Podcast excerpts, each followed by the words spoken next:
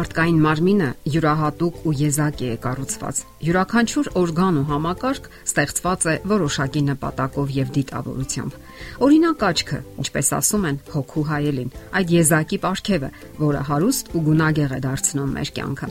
Աչքի շնորհիվ հիանում են գարնանային թարմ պայծառությամբ, ամառային լիակատար փարթամությամբ, աշնանային թախծոտ բնությամբ ու ձմեռվա ճերմակությամբ։ Մինչև այժմ չեն դադարում վեճերը էվոլյուցիայի կողմնակիցների եւ արարչագործության կողմնակիցների միջև։ Աչքի կառուցվածքը անհերքելիորեն բացառում է պատահական էվոլյուցիան։ Այդ օրգանը իսկապես զարմանալի եւ եզակի է եւ գործում է միայն այն դեպքում, երբ նրա մեջ ամեն ինչ իր տեղում է գտնվում։ Աչքի կառուցվածքը ուղակի ցնցում է այն ուսումնասիրողի երևակայությունը։ Սկզբում լույսը ճանապարհորդում է բիբից դեպի ցանցաթաղանթ, որը գտնվում է աչքի հետին մասում։ Այնտեղ նա քիմիական գործընթացների օգնությամբ գրանցվում է ցանցաթաղանթի ցուպիկների վրա, որոնք իրենց հերթին փոխանցում են պատկերը դեպի գլխուղեղ, նյարդային համակարգի միջոցով։ Աչքերն իրականում հանգիստ վիճակում չեն գտնվում։ Եթե պատկերը անշարժ մնար ցանցաթաղանթի վրա, ապա ֆոտոռեցեպտորները շատ արագ կքայքայվեին եւ պատկերը աստիճանաբար կանհետանար։ Աչքի արագ շարժումները երաշխավորում են, որ պատկերը ամբողջ ժամանակ շարժվի ցանցաթաղանթի վրա եւ նրա մշակմանը մասնակցում են նորանոր ֆոտոռեցեպտորներ։ Այդ շարժումները հնարավոր են դարձնում աչքի արտաքին մկանները։ Յուրաքանչյուր աչք ունի 3 զույգ ամուր եւ ճկուն մկաններ։ Կմախքի մնացած մկանների նման, որոնցից համարյա յուրաքանչյուրը գործում է զույգով, աչքի յուրաքանչյուր զույգ մկան մրցում է հակառակի հետ, ինչի արդյունքում աչքը շրջվում է տարբեր կողմեր։ Վերին ուղիղ մկանը վերև է ուղղում հայացքը, Իսկ այդ նույն ժամանակ ներքին ուղիղ մկանը ներքև է իջեցնում այն։ Մեկ զույգ այլ մկաններ աչ ու ձախ են շրջում աչքերը։ Վերին եւ ներքին թեք մկանները պտտում են աչքերը ժամացույցի սլաքի եւ նրան հակառակ ուղությամբ։ Ահա այս 6 մկանները հնարավոր են դարձնում աչքի շարժումները բոլոր ուղություններով։ Աչքի յուրաքանչյուր մկան սկիզբ է առնում ակնախորոչի ներքին ոսկորից եւ ամրանում անմիջապես աչքի խնձորիկին հենց բիբի հետևից։ Մշտական լարվածության պատճառով աչքի մկանները գործնականում ամենաշարժումն են մարմնում։ Հարմարված լինելով 7 կոորդինացված շարժումների համար, նրանք հնարավոր են դարձնում, որ մարդը օգտվի բնության մեջ նման օրինակը ճանաչող եզակի ծառայությունից։ Աչքի մկանները հնարավոր են դարձնում բինոկուլյար տեսողությունը, խորությունը եւ տարածությունը որոշելու ընտունակությունը։ Ժողովող գրքում Սողոմոն իմաստունը ասում է. եւ քաղցրելույսը եւ ախորժելի է աչքին տեսնել արևը։ Ուրեմն հեռացրու տրտմությունը սրտիցդ եւ մի կողմ դիր չարությունը մարմնիցդ։ Մարդու աշխարհում գոյատևելու պայմաններից մեկն էլ ձայնն է։ Ձայնը մարդկային փոխհարաբերության ամենակարևոր գործոններից մեկն է։ Առանց նրա հնարավոր չէ պատկերացնել մարդու գործունեության որևէ ոլորտ։ Ասենք որ ձայները կարող են լինել եւ օգտակար եւ վտանգավոր։ Մտեք որևէ դիսկոտեկ եւ կպատկերացնեք ձայնի վտանգավորության աստիճանը։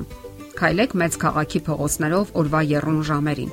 եւ པարզ կդառնա, թե ինչ չափով կարող է այն ազդել մարդու նյարդային համակարգի վրա։ Մարդու ականջը նախատեսված է աղմուկի որոշակի ոչ մեծ մակարդակ ընկալելու համար։ Շշնջոցով զրույցը 30 դեցիբել է։ Խաղաղ երաժշտությունը 40 դեցիբել Բարձր զրույցը 75 դեցիբել։ Աղմուկի թույլատրելի սահմանային մակարդակը 80 դեցիբել է։ Իսկ ահա փողոցով անցնող բեռնատարը 90 դեցիբելի աղմուկ է հանում։ Նույնքան աղմուկ ենք հանում նաև մենք, երբ միացնում ենք հեռուստացույցը, ռադիոընթունիչը կամ այլ սարք։ Իսկ եթե ապրում ենք մեծ փողոցի հարևանությամբ, ապա պատկերը པարզ է։ Ասենք որ միջին ուժգնության դիսկոտեկում ձայնի մակարդակը 110-ից 130 դեցիբել է։ Մի քիչ ավելի պակաս է ժամանակակից կինոդահլիճներում, որոնք հագեցած են մահացու հզորություն ունեցող բարձրախոսներով։ Եվ այսպես ցանկացած բարձր ձայն այդ թվում փլեյերից հնչող վնասում է ականջի ներքին մասի խխունջիկի մեջ տեղադրված մազանման բջիջները։ Սրանք օգնում են դիմանալու ձայնային աղմուկին, ինչպես նաև ձայնային տեղեկատվությունը ուղեղ հասցնելուն։ Մեծ աղմուկի դեպքում մազանման բջիջները մասնակիորեն վնասվում են։ Շատ բարձր ձայները, օրինակ կրակոցները կամ չափավոր, բայց տևական ձայները կարող են ավելի լուրջ վնասվածք հասցնել բջիջներին, որից հետո նրանք այլևս չեն վերականգնվում, ինչը հանգեցնում է լսողության մասնակի կորստի։ Այսօր լայն տարածում գտած փլեյերները անհանգստացնում են բժիշկներին։ Նրանք մտավախություն ունեն, որ մոտ ժամանակներում լսողության հիմնախնդիրները նույնքան սովորական կդառնան, որքան հենց իրենք փլեյերները։ Փլեյերների վտանգն այն է, որ երաժշտությունը լսելիս լսողությունը աստիճանաբար վատթարանում է, եւ դա անմիջապես չի նկատվում։ Բացասական հետևանքները ակնհայտ են դառնում մի քանի տարի հետո, եւ լսողության այդպիսի վատթարացումը անհնար է բուժել։ Ռուսաստանի հոգեբույժները հետաքրքիր փորձ են կատարել։ Հավերի վանդակի մոտ միացրել են ծանր ռոք երաժշտություն եւ միացրել բարձրախոս։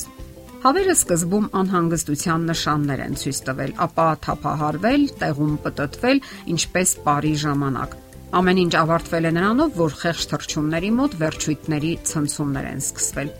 Պարզվել է նաև, որ վաղ հասակից աղմուկի մեջ ապրելու դատապարտված կենթանիները մեկ ընդմիշտ կորցրել են սովորելու ունակությունը։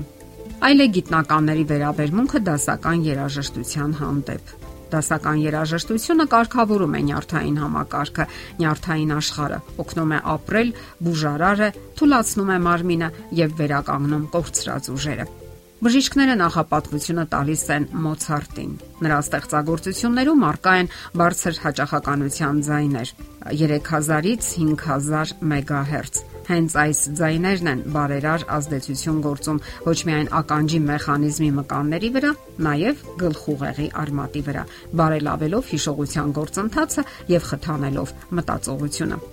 Առանց տեսողության եւ առանց լսողության մեր կյանքը տխուր եւ անուրախ կլիներ։ Առանց գույների, առանց հնչյունների։ Ահա թե ինչպիսի առավելություններով ենք օժտված մենք։ Աստծո կողմից արարված մարդիկս Տեսողությունն ու լսողությունը թանկագին ապարքև են։ Գնահատենք ու պահպանենք դրանք։ Եթերում առողջ ապրելակերպ հաղորդաշարն է։ Ձեզ հետ է Գեղեցիկ Մարտիրոսյանը։